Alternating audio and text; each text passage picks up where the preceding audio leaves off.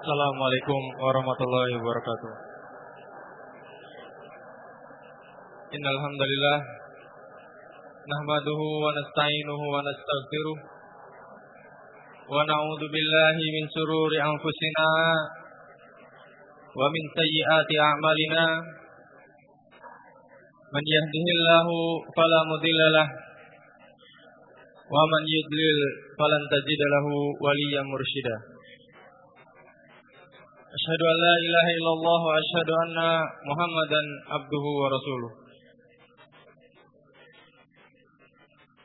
Ikhwanu fiddin rahimani wa rahimakumullah Alhamdulillah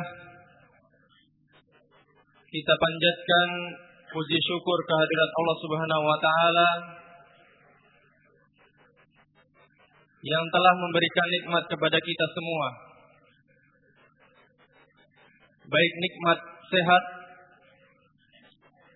maupun nikmat bertemu dengan bulan yang sangat agung. Bulan Ramadan yang telah kita nantikan bersama. Ikhwan Fiddin rahimani wa rahimakumullah.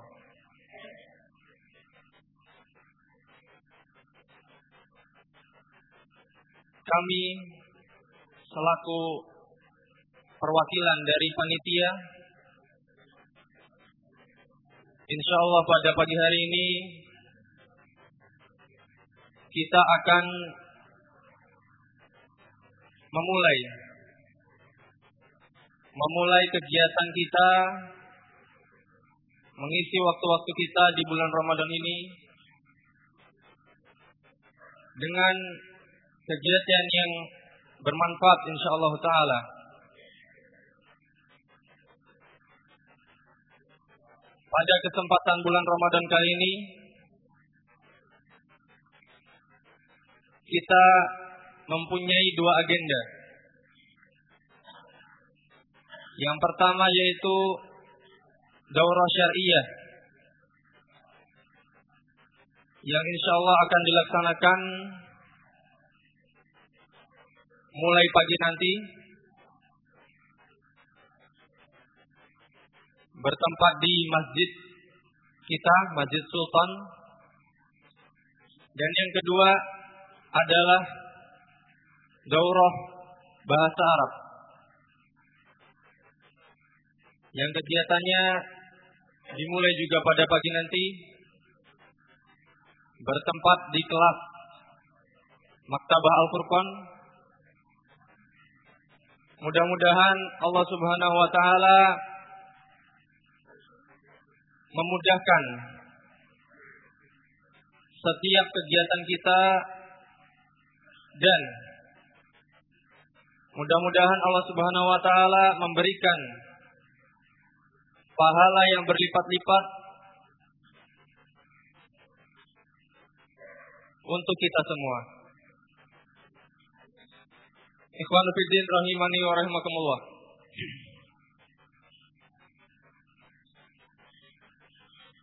Yang selanjutnya kami ucapkan ahlan wa marhaban di talibil ilmi khususnya bagi para peserta daurah maupun daurah, daurah syariah maupun daurah yang bahasa Arab telah memberikan waktu luang, memberikan waktunya untuk hadir di mahat kita yang tercinta ini, mahat Al-Furqan, untuk menimba ilmu dari para asatidah asatidah yang ada di sini.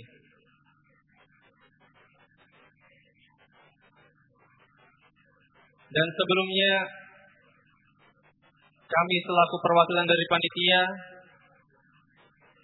memohon maaf yang sebesar-besarnya apabila ada kekurangan atas penyambutan kami maupun nanti ketika acara berlangsung. Ikhwan Fiddin Rahimani wa Rahimakumullah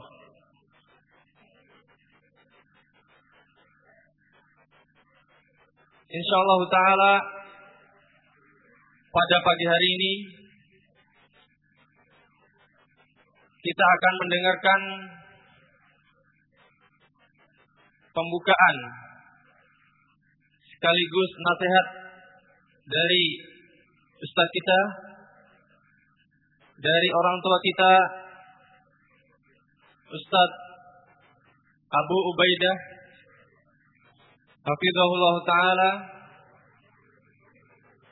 dan Alhamdulillah beliau telah hadir di tengah-tengah kita. Oleh karena itu mari kita simak bersama-sama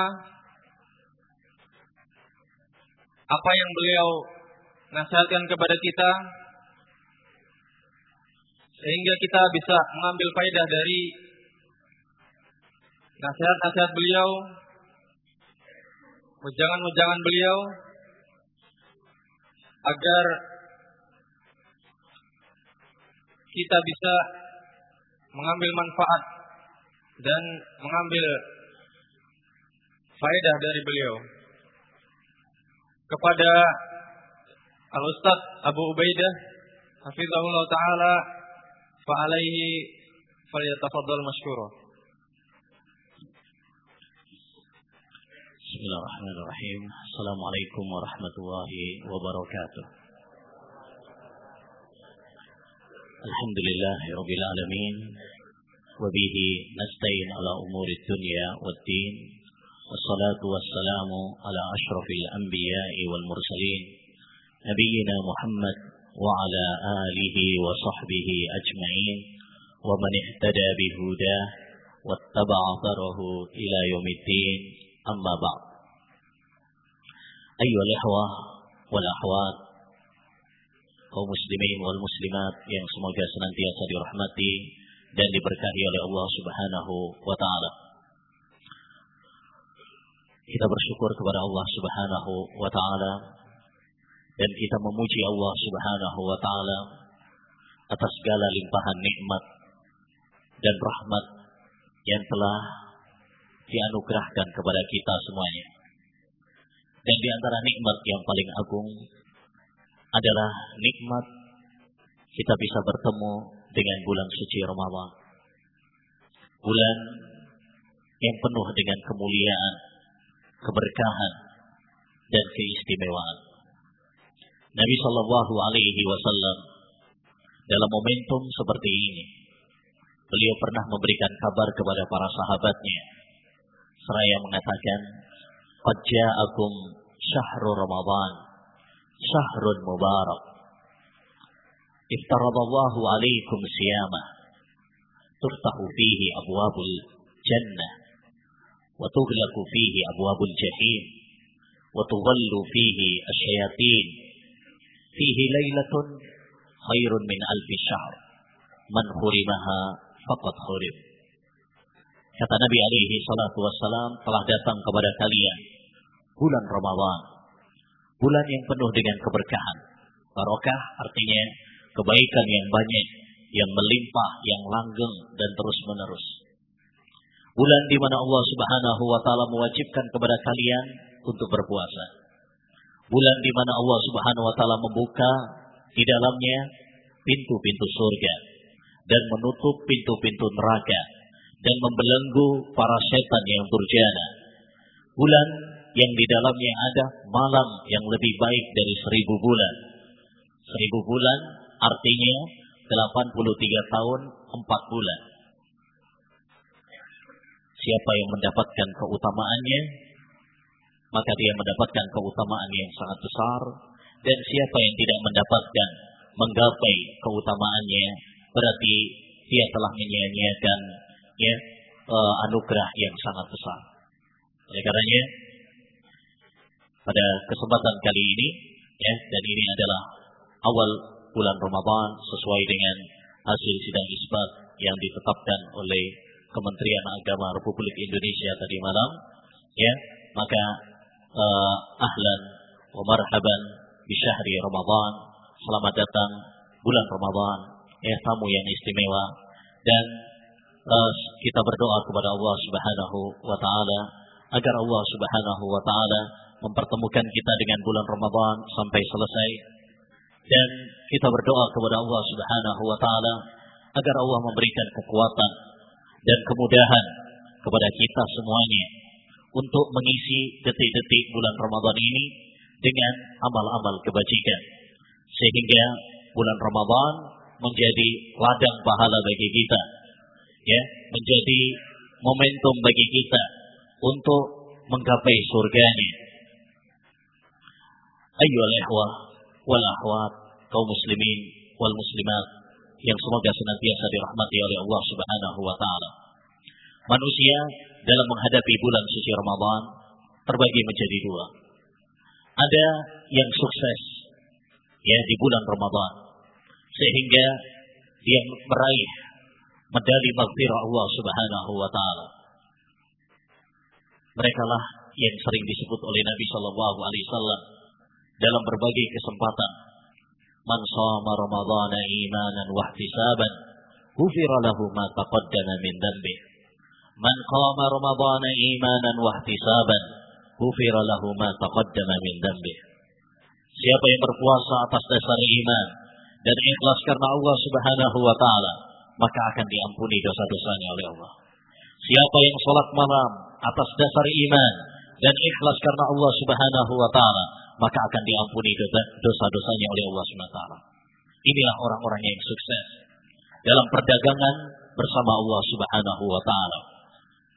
Ya ayyuhalladzina amanu, hal adullukum ala tijaratin tunjikum min adabin alim?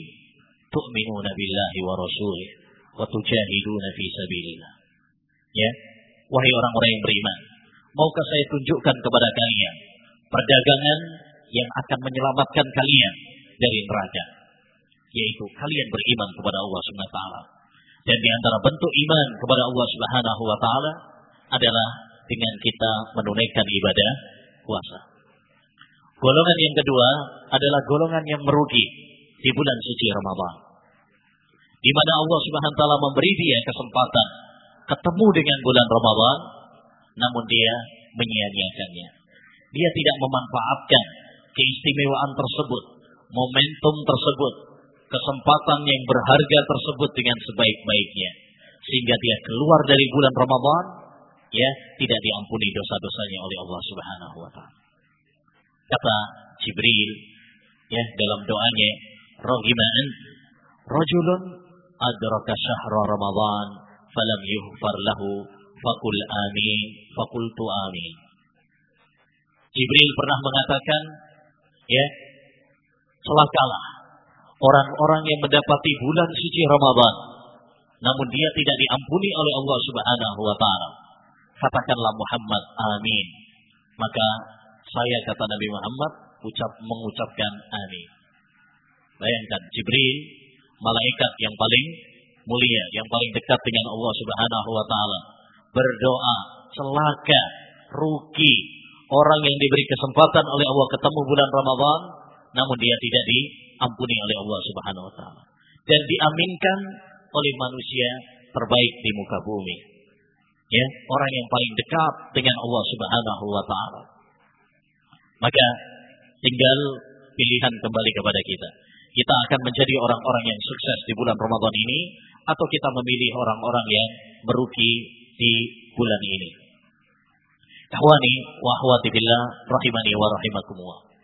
Dan salah satu bentuk agar kita bisa memanfaatkan momentum bulan Ramadan ini dengan sebaik-baiknya adalah kita mengikuti kegiatan-kegiatan yang bermanfaat. Di antaranya adalah kegiatan ad-daurah ya, syar'iyyah di bulan Ramadan di Ma'had yang berbarokah ini insyaallah.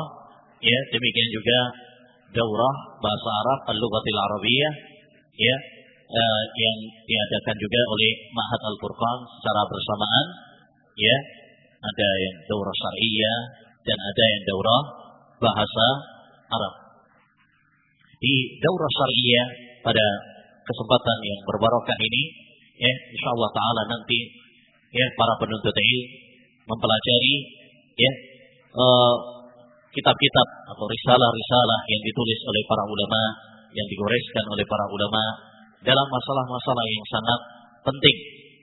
Ya. Makanya kita memilih di sini ad-daurah al-ilmiyah at-ta'siliyah, masalah-masalah pendasar ya dalam bidang akidah. Nanti kita akan mengkaji kitab Usul Sunnah karya Al-Imam Al-Humaydi. Usul ya fondasi-fondasi akidah.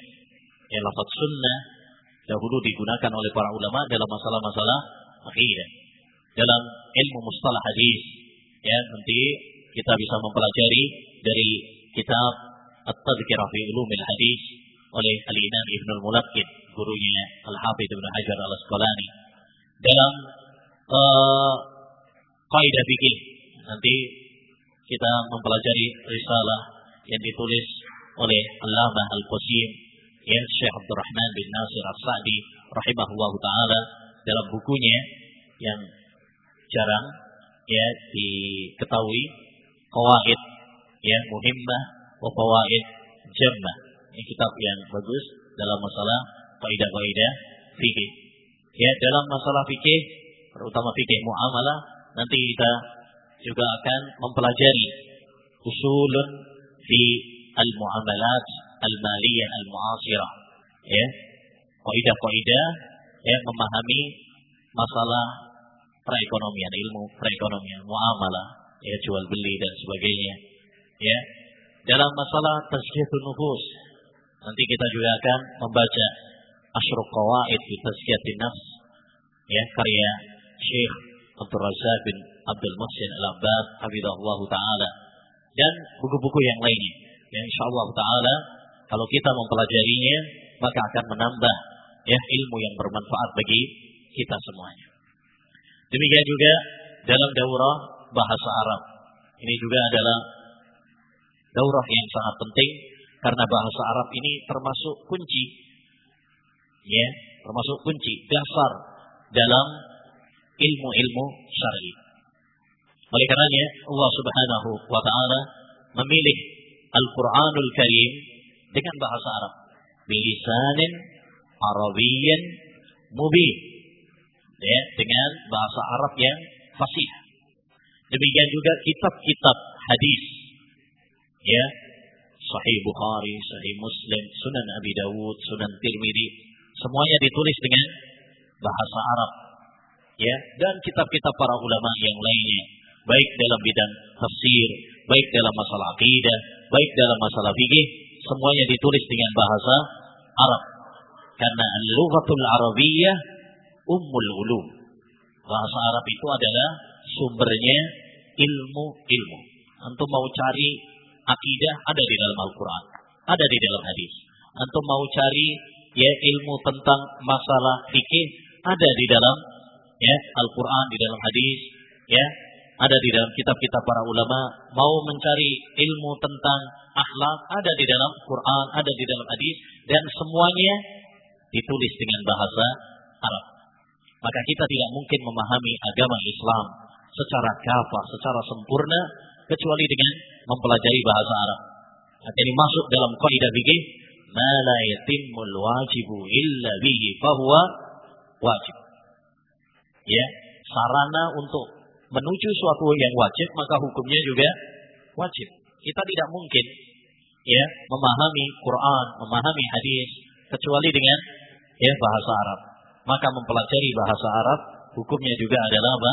Termasuk kewajiban bagi setiap muslim dan muslimah yang menginginkan untuk ya tadabbur terhadap Quran dan tadabbur terhadap hadis-hadis Nabi Muhammad sallallahu alaihi wasallam. Ya, maka uh, ya daurah daurah seperti ini sangat bagus sekali ya untuk kita semarakkan, untuk kita ikuti dengan semangat ya karena daurah-daurah seperti ini banyak faedahnya. Ya, di antara faedahnya adanya daurah-daurah seperti ini. Yang pertama, kita akan mendapatkan ya ilmu yang banyak dalam waktu yang singkat. Coba misalkan daurah syariah itu berapa kitab? Enam kitab. Ya. Yang insya Allah Ta'ala akan dipelajari dalam waktu 20 hari. Mungkin kalau antum belajar sendiri atau belajar di tempat yang lain, mungkin satu buku satu tahun malah. Ya. Demikian juga daurah bahasa Arab. Ya. Dengan mengkaji buku andalan Al-Furqan, ya, Muhtarat Qawaidil Lughah Al-Arabiyyah karya Syekhuna wa waliduna Al-Karim Abu Rafiq bin Ghufran Hamdani hafizahullah taala wa ra'ah. Mungkin kalau di tempat yang lain belajar muhtarat itu berapa? Satu tahun, malah mungkin lebih kadang-kadang. Apalagi kalau cuma ya sekali pertemuan satu bulan, ya bisa-bisa malah dua tahun tiga tahun. Ya, dengan kita ikut daurah seperti ini dalam 20 hari, insya Allah Taala ya bisa selesai. Tentu ini adalah manfaat yang sangat besar adanya daurah-daurah seperti ini. Yang kedua, di antara manfaat dari adanya daurah-daurah seperti ini adalah apa? Adalah uh, kita bisa bertemu dengan saudara-saudara kita para penuntut ilmu yang satu visi misi dengan kita, satu perjuangan dengan kita di jalan jihad ya dalam menuntut ilmu. Menuntut ilmu adalah bagian dari jihad. Ya kata Mu'ad bin Jabal ya man yadunna anna talabal ilmi falaysa bijihad fahuwa jahil. Siapa yang menyangka bahwasanya menuntut ilmu itu bukan bagian dari jihad, maka dia adalah orang yang bodoh. Karena jihad itu ada dua macam. Jihad dengan senjata, ya, jihad dengan senjata dan jihad dengan ilmu, dengan hujjah. Dan ini sangat dibutuhkan pada zaman kita sekarang, ya, untuk melawan orang-orang yang uh, merusak Islam, ya, dengan syubhat, dengan kejahilan, maka kita menangkisnya dengan ilmu, dengan hujjah. Nah, jadi kita bisa bertemu dengan saudara-saudara kita yang ini insya Allah Ta'ala akan mempererat huwa Islamiyah di antara kita. Yang ini dari Kalimantan, yang ini dari Sumatera, yang ini dari Jawa. Ya, tentu ini akan menambah teman-teman kita ya menambah persahabatan di antara kita, menambah persaudaraan di antara kita sehingga kita menjadi umat yang saling mencintai karena Allah Subhanahu wa taala. Ya, Hasan Al-Basri pernah mengatakan, "Ikhwani ahabbu ilayya min ahli." Sahabat-sahabatku itu lebih saya cintai daripada keluargaku sendiri. Ikhwani yudakkirunani bil akhirah wa ahli ihwani yudakkirunani bil akhirah wa ahli yudakkirunani bid dunya. Karena sahabat-sahabat saya sering kali mengingatkan aku tentang ayat. Sedangkan keluarga saya sendiri sering mengingatkan aku tentang dunia. Nah, ketika adanya daurah seperti ini kita bisa uh, saling ya apa namanya ber uh, ta'aruf ya saling berkenalan. Ya, oleh karenanya saya juga mengimbau terutama untuk para santri ya di Ma'at Al-Furqan ya, mari kita hormati para peserta daurah yang datang ke ma'at kita ya. Kita berakhlak mulia kepada mereka karena mereka adalah tamu-tamu. Ya, tamu-tamu yang mulia, tamu-tamu yang harus dihormati. Nabi Shallallahu alaihi wasallam mengatakan, man kana yu'minu billahi wal yawmil akhir fal yukrim dhaibahu. Siapa yang beriman kepada Allah dan beriman kepada hari akhir, maka hendaknya dia memuliakan apa? tamunya. Sebagaimana hendaknya bagi para tamu, ya, bagi para ikhwah, para peserta daurah juga untuk ya uh, menghormati, ya menyayangi para santri, para penuntut ilmu karena kita semuanya adalah di jalan yang sama. Tujuan kita sama, hadir di tempat ini, yaitu untuk mencari ilmu. Yang ketiga, di antara manfaat adanya daurah-daurah seperti ini juga, adanya ya uh, daurah-daurah seperti ini menjadi jembatan pertama ya bagi kita untuk lebih serius lagi dalam menuntut ilmu. Jadi biasanya, biasanya ya orang kalau ikut daurah Kemudian setelah itu apa? Tertarik. Nyantri. Tertarik untuk mondok. tertarik untuk lebih serius lagi. Ya, jadi, karena daurah seperti ini ini gerbang awal saja. Ya, gerbang awal untuk masuk pada keseriusan dalam menuntut ilmu. Jangan menyangka kalau sudah nanti khatam ya Mukhtarat Qaidul Lughah Arabiyah kemudian langsung jadi Sibawai atau Ibnu Hisham. Ya, tidak. Ya, ini baru langkah awal, kunci dasar. Ya, demikian juga jangan menyangka kita kalau udah ikut daurah syariah, khatam beberapa kitab kemudian kita jadi Syekhul Islam. Tidak. Ini hanya baru apa? Loncatan pertama. Baru bata yang kita tata untuk masuk pada ya gerbang menuntut ilmu yang sesungguhnya.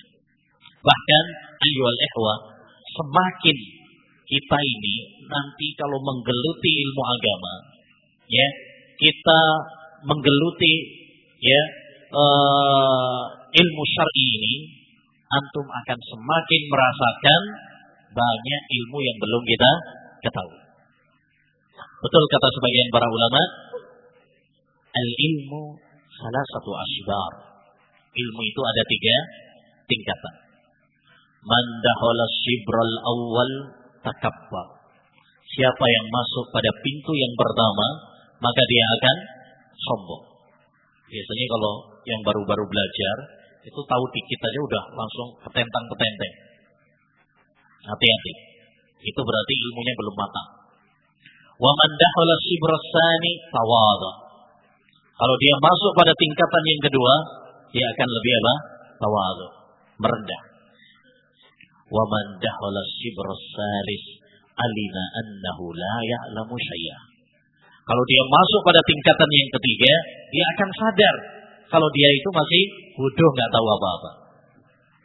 Artinya semakin kita mendalami, semakin kita ya mengilmui tentang ilmu agama ini, ya kita akan menyadari bahwa masih banyak ilmu yang belum kita kuasai.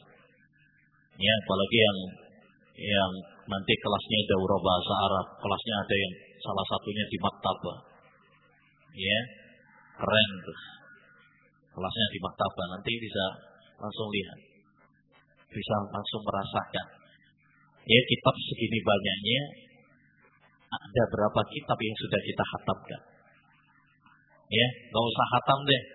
Ada berapa judul yang sudah kita hafal? Masih banyak ilmu yang belum kita pelajari. Masih banyak kitab-kitab para ulama yang belum kita baca. Ya, itu menunjukkan kepada kita ayol ikhwah bahwa ilmu kita ini masih apa? Sedikit. Jangan pernah merasa bahwa ilmu kita ini udah banyak. Ya, bahkan dahulu para ulama mengatakan siapa yang menganggap dirinya sudah pintar, nggak butuh ilmu lagi, bahwa jahil, maka berarti dia adalah orang yang bodoh. Orang kalau udah merasa bahwa dia nggak butuh kepada ilmu lagi, dia udah merasa udah pintar, maka ini adalah orang yang bodoh. Karena ilmu kita ini dikit. Wa ma utitu minal ilmi illa qalila. Tidaklah kalian diberi ilmu kecuali dikit. Ilmu kita ini dikit. Ya, jadi daurah-daurah seperti ini sangat bagus sekali.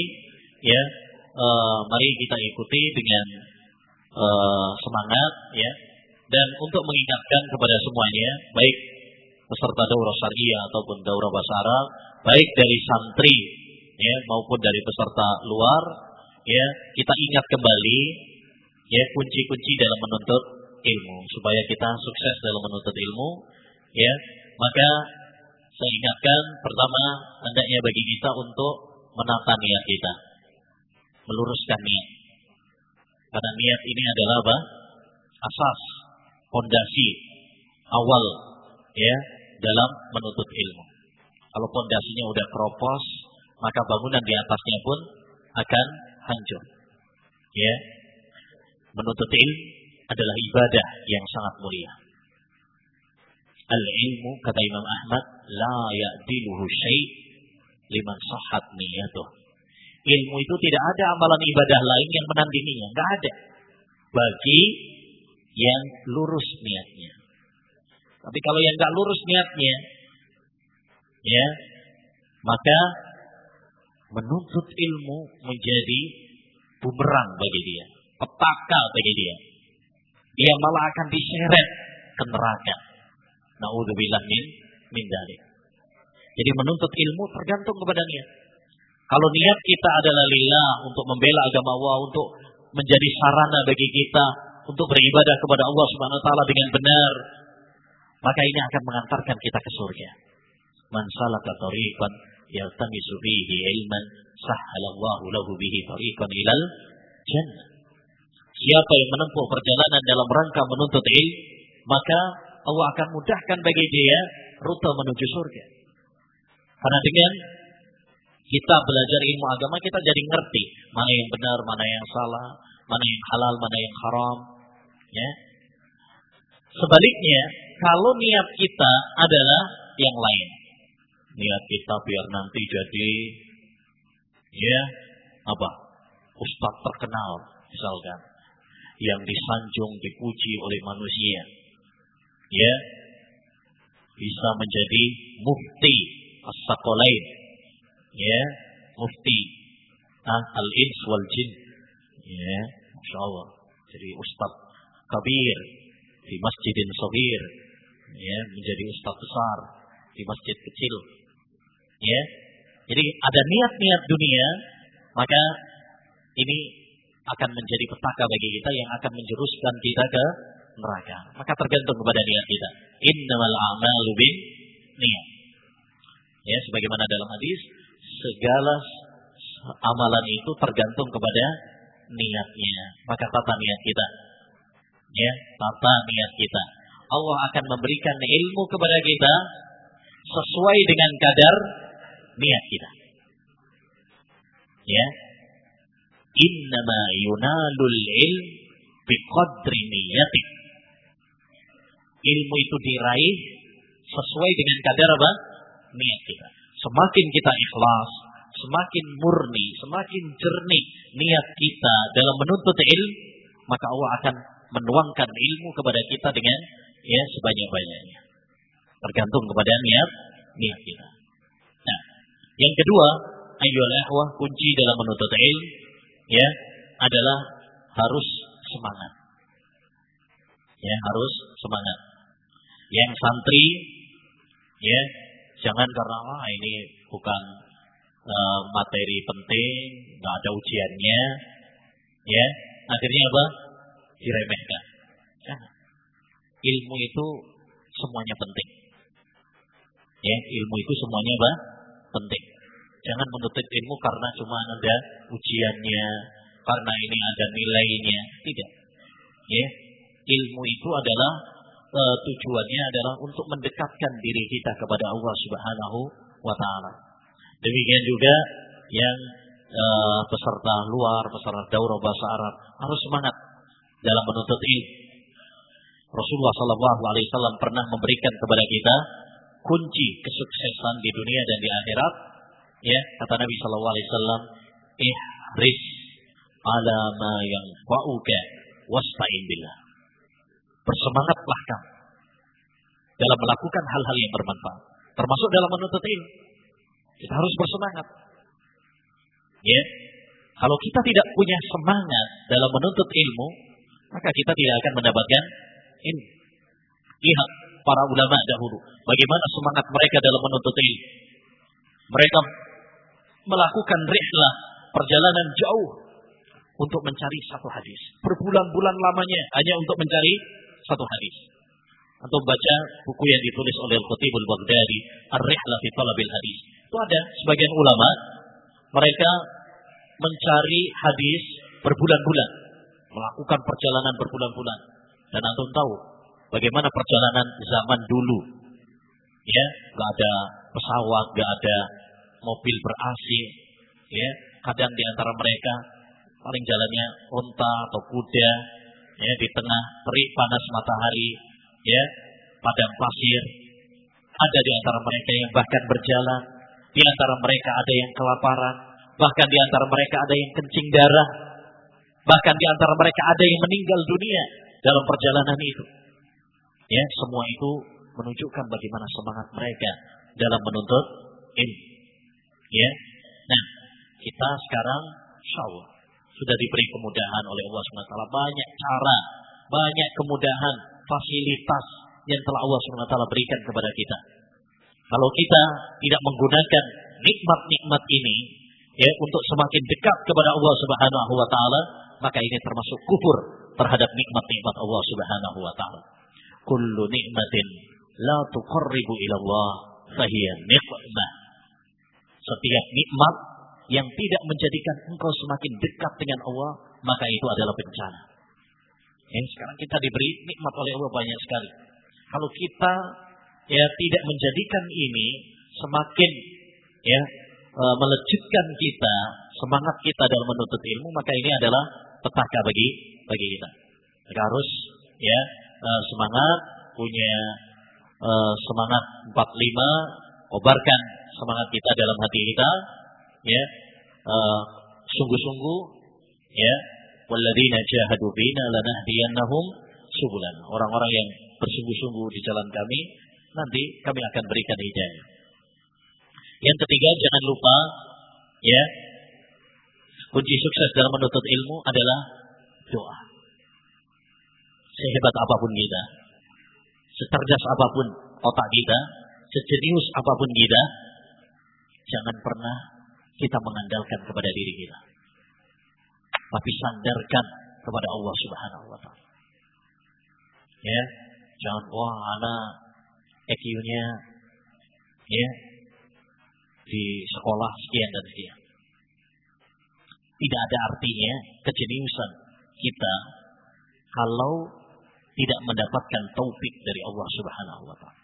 Betapa banyak orang yang jenius tapi tidak bermanfaat kejeniusannya. Ya. Jadi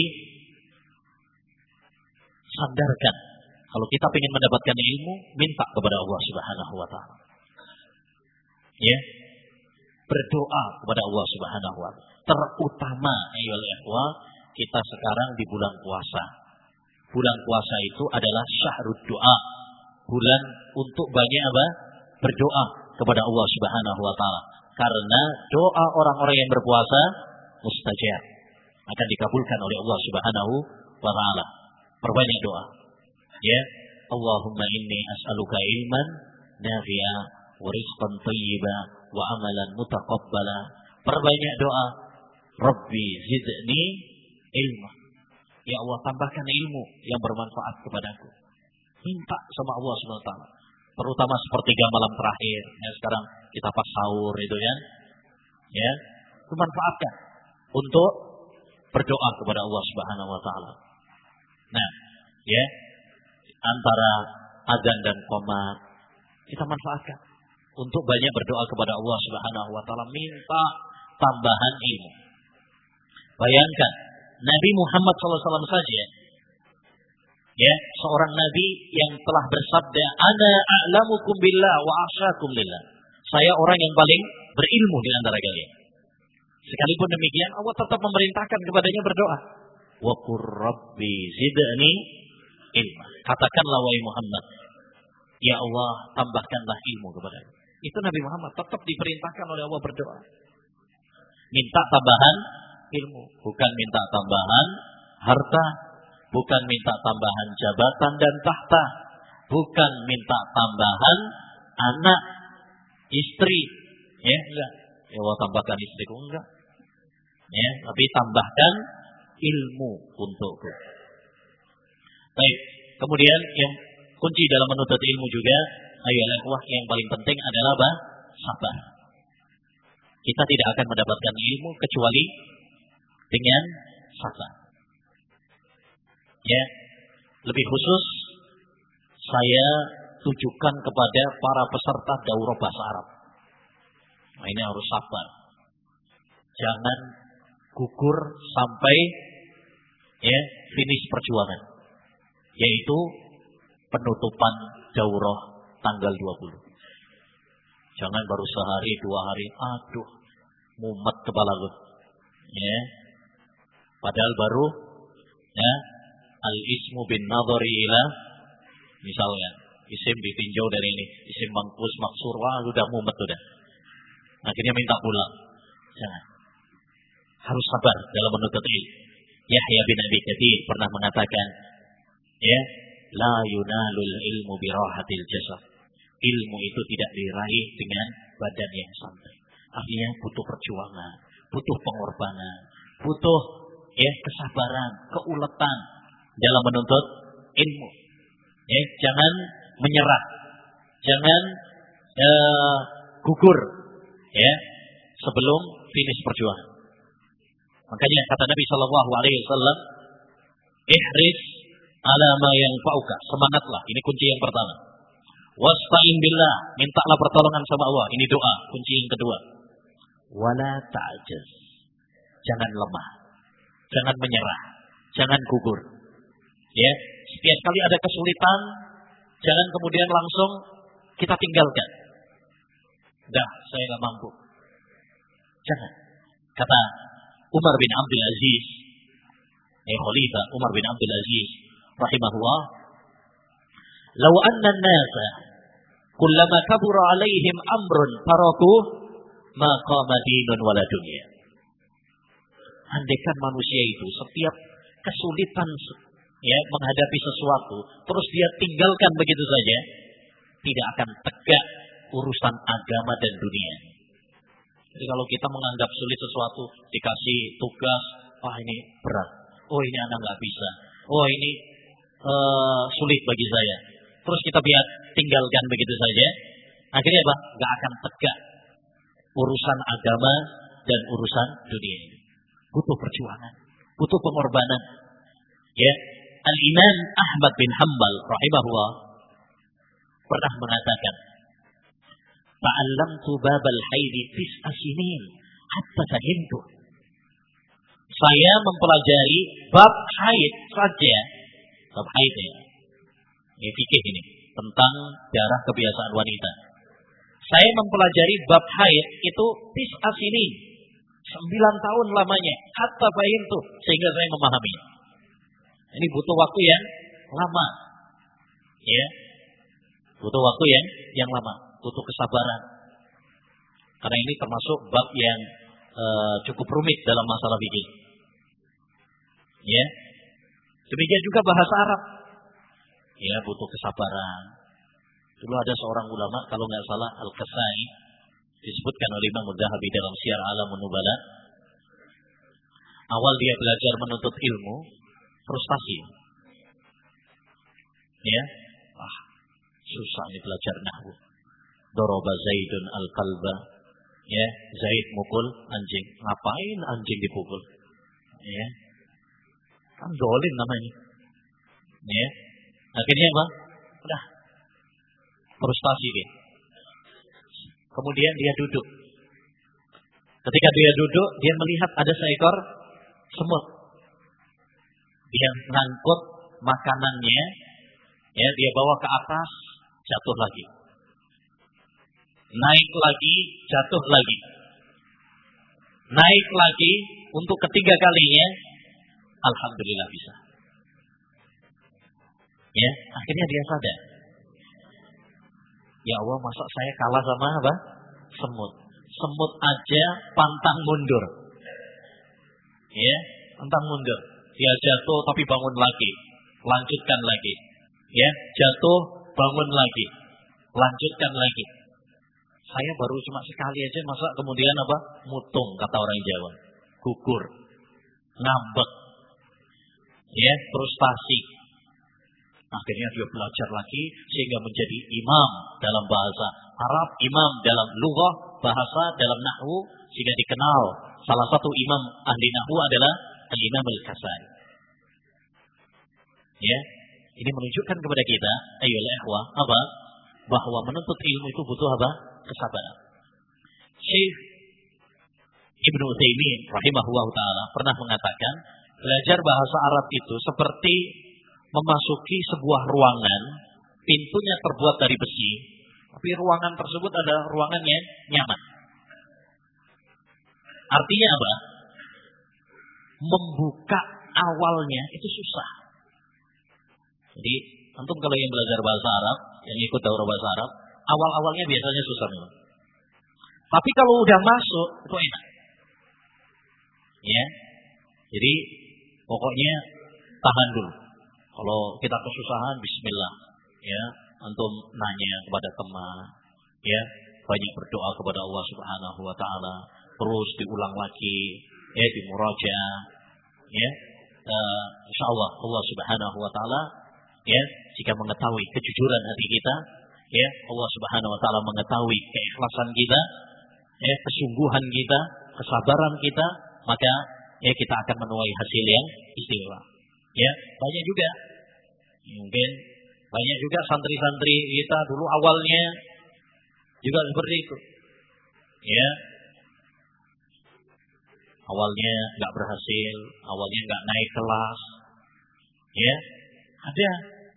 Tapi mereka sabar, ya, mereka terus, ya. Kadang kan ada yang nggak naik kelas, sudahlah, untung nggak mau mondok lagi.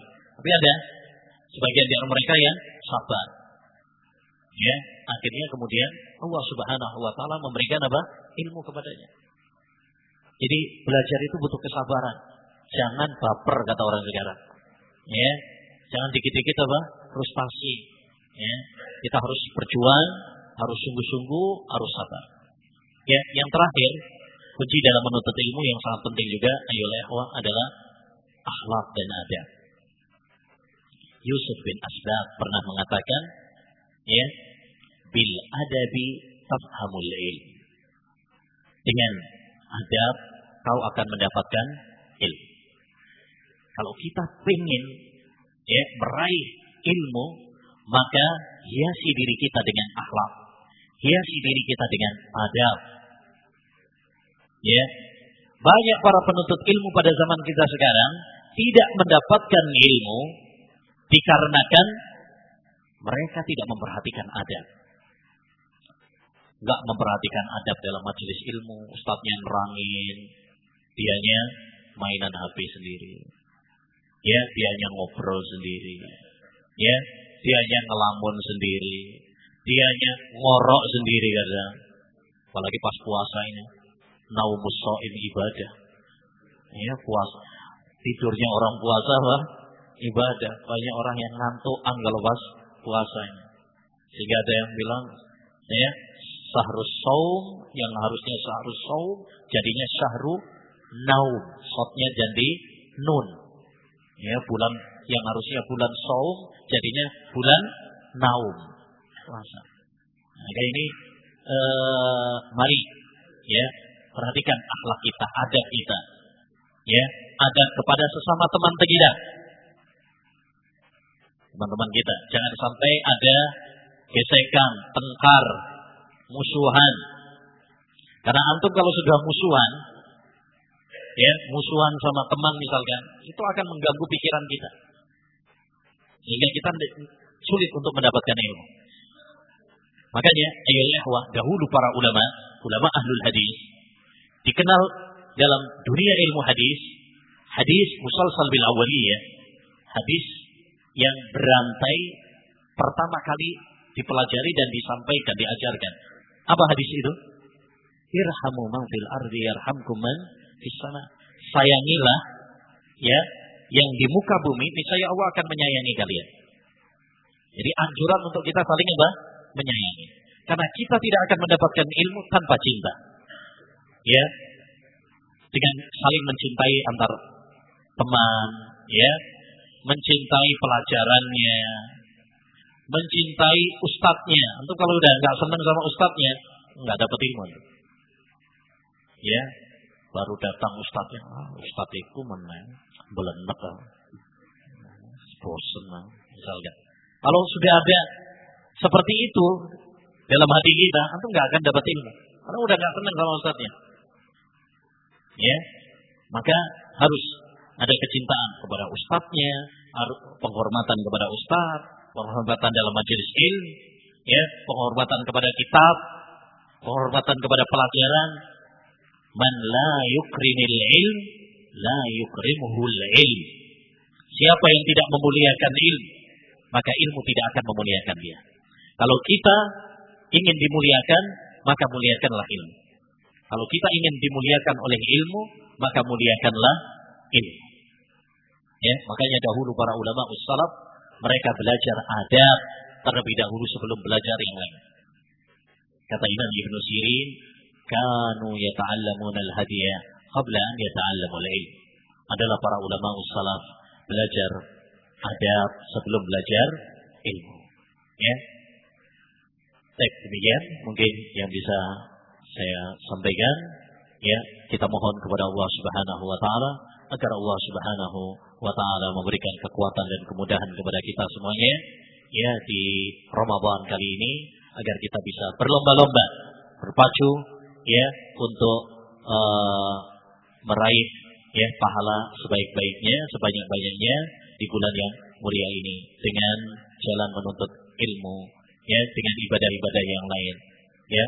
Maka selain dari menuntut ilmu yang uh, sudah dijadwalkan gunakan waktu-waktu yang lain untuk banyak ibadah. Ya banyak baca Quran. Terutama pada subuh sengaja dikosongkan itu untuk baca Al-Quran. Ya bukan untuk tidur. Ya e, demikian juga mungkin pada duhur ya mungkin di sela-sela ya, nunggu ustadz dan sebagainya digunakan untuk banyak berzikir banyak membaca Al-Quran. Baik. Kok ada minumannya ini? Ya. boleh tadi nah untung nggak pura-pura lupa Ustaz ya Subhanakallahumma bihamdika asyhadu an la ilaha illa anta astaghfiruka wa atubu ilaik. Assalamualaikum warahmatullahi wabarakatuh.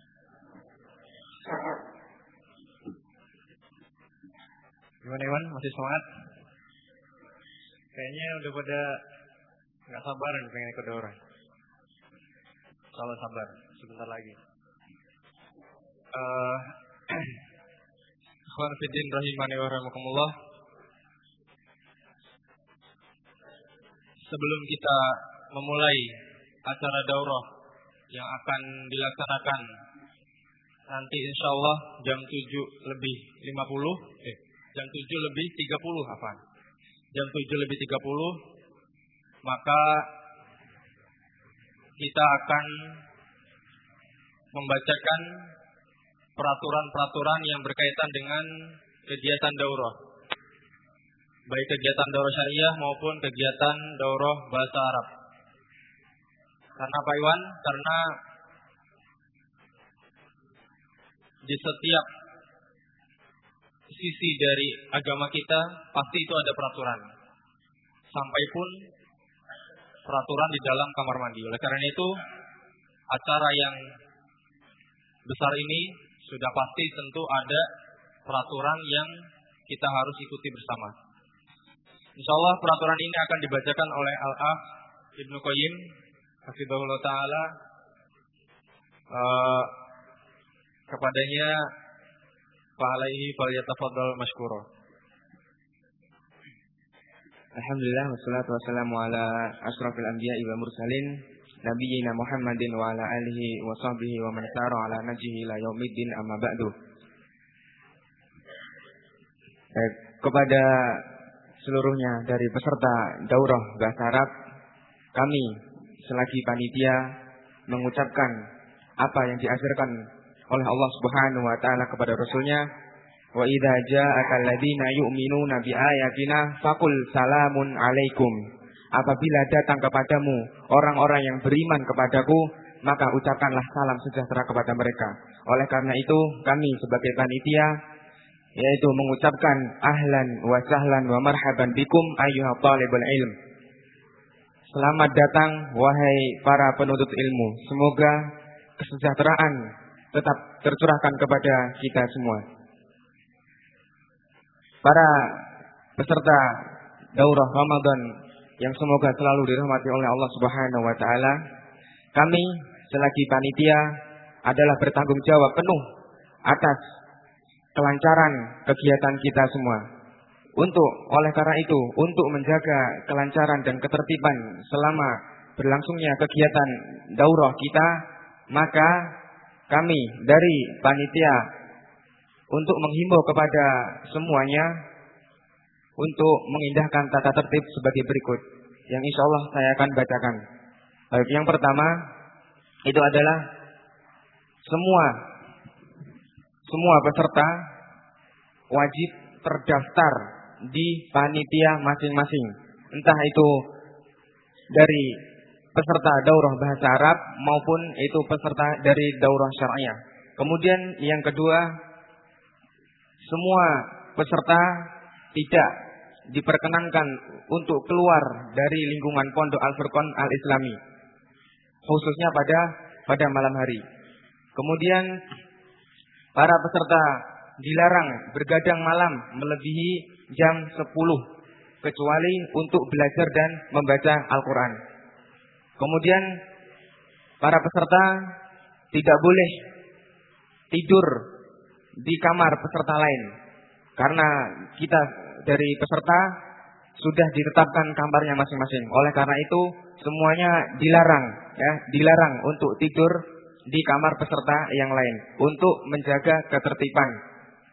Kemudian selanjutnya tidak diperkenankan meninggalkan barang berharga ya, barang berharga seperti laptop, HP, MP3 dan lain sebagainya pada saat daurah berlangsung.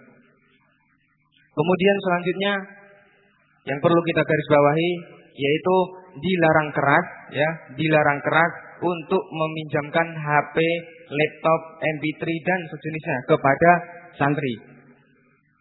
Kemudian juga dilarang dilarang membawa barang yang melanggar syariat ya, seperti rokok, miras, domino, remi, sabu-sabu dan lain sebagainya. Ya. Kemudian poin selanjutnya yang harus perlu kita perhatikan yaitu pengecesan HP atau elektronik lainnya. Itu wajib mengecas di ruang sekretariatnya masing-masing. Entah itu di sekretariat daurah bahasa Arab atau sekretariat daurah syariah. Yang penting mengecas HP itu wajib di ruang sekretariatnya masing-masing. Kemudian adapun bagi antum semuanya yang hendak izin keluar memenuhi kebutuhannya, maka itu wajib izin, wajib izin kepada panitianya masing-masing. Adapun adapun prosedur perizinannya yaitu yang pertama mengambil surat izin di ruang sekretariatnya masing-masing. Nanti ketika antum datang ke ruang sekretariatnya antum masing-masing, maka akan diberikan sebuah kertas yaitu surat untuk tanda bahwasanya peserta tersebut diizinkan untuk keluar. Terus kemudian yang kedua prosedur yang kedua yaitu lapor kepada satpam ya, lapor kepada satpam sebelum meninggalkan lingkungan pondok. Sebelum meninggalkan lingkungan pondok, antum wajib lapor satpam dengan menyerahkan kartu tersebut. Kemudian membawa surat perizinan di saat keluar. Setelah surat tersebut antum serahkan ke pos satpam, kemudian diberikan stempel, maka antum membawanya untuk keluar. Baik. Kemudian yang perlu kita garis bawahi lagi, ketika kita di luar, maka kita wajib untuk menjaga nama baik pondok. Ya. Kemudian juga diusahakan diusahakan untuk memakai baju koko supaya kita terlihat rapi ketika kita jalan-jalan di luar. Kemudian setelah kita penuhi atau sudah sempurna kebutuhan kita, maka yang terakhir itu wajib lapor ketika wajib lapor ketika sampai di lingkungan mahat. Jadi dari antum dari keluar sana, kemudian kembali ke pondok, maka wajib untuk lapor ke ke satpam lagi yang kedua kalinya. Nah, kemudian yang terakhir yaitu mengembalikan surat perizinan kepada panitia masing-masing. Kenapa demikian? Supaya semuanya bisa kita koordinasikan. Jadi ketika kita terjadi apa-apa kita bisa bertanggung jawab. Baik. Kemudian bagi peserta itu tidak boleh untuk sholat taraweh di luar masjid Al-Furqan yang kita tempati sekarang ini. Kecuali memang benar-benar ada uzur. Nah, adapun memang yang yang ada uzur, maka dia wajib lapor ke panitianya masing-masing. Nah, Kemudian nanti akan diarahkan kepada panitia masing-masing. Dia maunya di musola mana? Nanti akan diarahkan kepada panitia masing-masing. Adapun yang diperbolehkan musola yang kita akan terawih di sana yaitu cuma dua musola saja. Yang pertama musola sabilillah. Antum tahu semua musola sabilillah ketika kita berjalan ke arah selatan sana itu ada musola kecil kiri jalan. Nah itu dia musola sabilillah. Jadi diperbolehkan di sana kalau memang ada udur. Kalau memang nggak ada udur maka tidak diperbolehkan. Kemudian yang kedua musola al furqon. Musola al furqon bukan musola pondok kita ini bukan, tapi di sana di sebelah utara sana ketika antum berjalan arah utara kemudian belok kanan itu nanti terdapat musola di kiri jalan. Nah, itu diperkenankan. Antum tidak mengapa sholat di antara kedua musola tersebut. Atas instruksi dari panitia masing-masing. Itu masalah prosedur perizinan. Kemudian selanjutnya para peserta daurah harus sudah hadir di masjid maupun di kelas 10 menit sebelum pelajaran dimulai atau 10 menit sebelum kajian dimulai. Kemudian pada saat kegiatan belajar mengajar atau kajian berlangsung, maka para peserta tidak diperkenankan mengaktifkan handphone. Jadi semua handphone itu dinonaktifkan.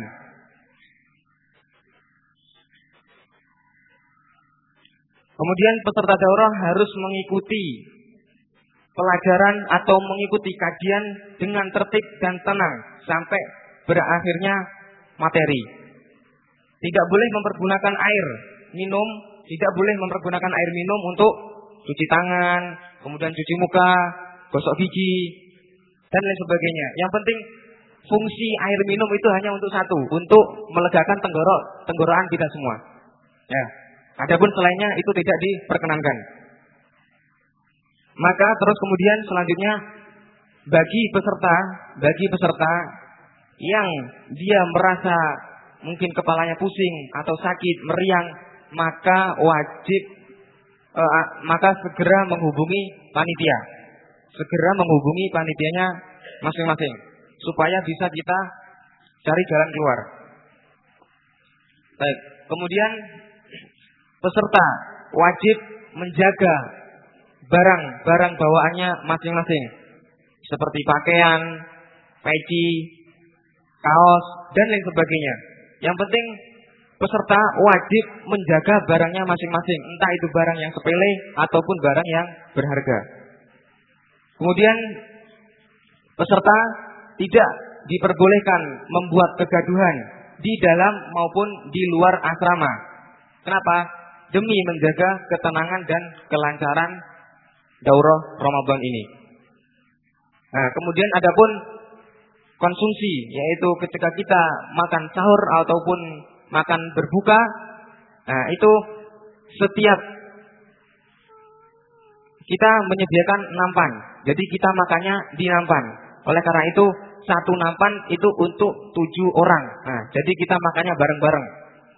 Nah, di, di atas satu nampan, yaitu jumlah orangnya tujuh.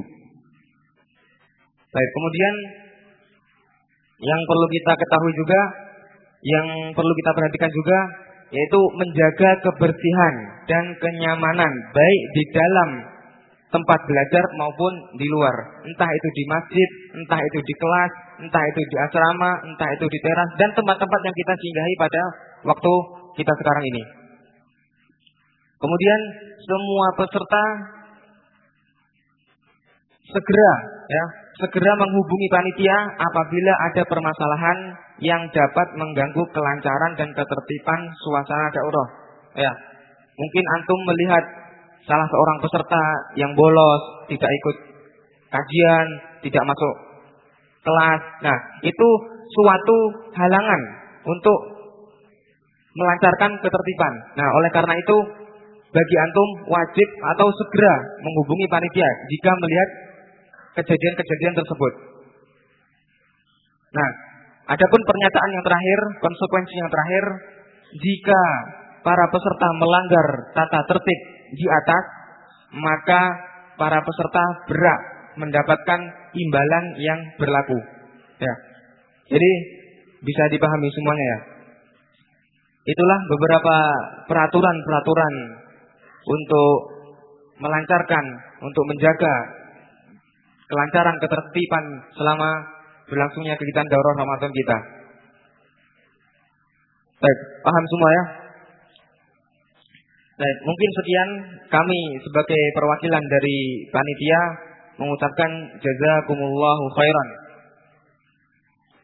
Kemudian adapun selanjutnya kami kembalikan kepada MC. Uh, eh, gimana Iwan? Terutama peserta daurah, insya Allah siap lah ya mentaati peraturan peraturan yang seperti peraturan santri, peraturan keluar, peraturan makan, peraturan yang lain. Nah, itu untuk sementara 20 hari kita belajar jadi santri, belajar santri. Saya kayu lewah rahimani wa rahimakumullah.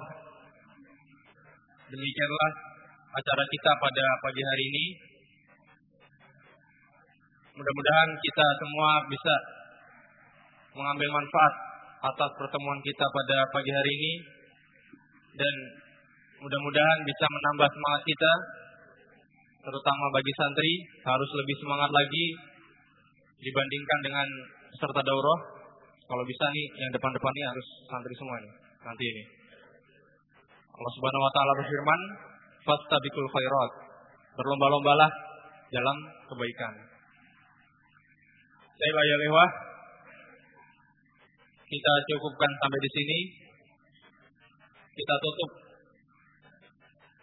dengan mengingat lagi perkataan Rasulullah Sallallahu Alaihi Wasallam, ihris alama yang fauk, wastain billah, wala ta'jad. Akhir da'wana alhamdulillahirabbil alamin. Assalamualaikum warahmatullahi wabarakatuh.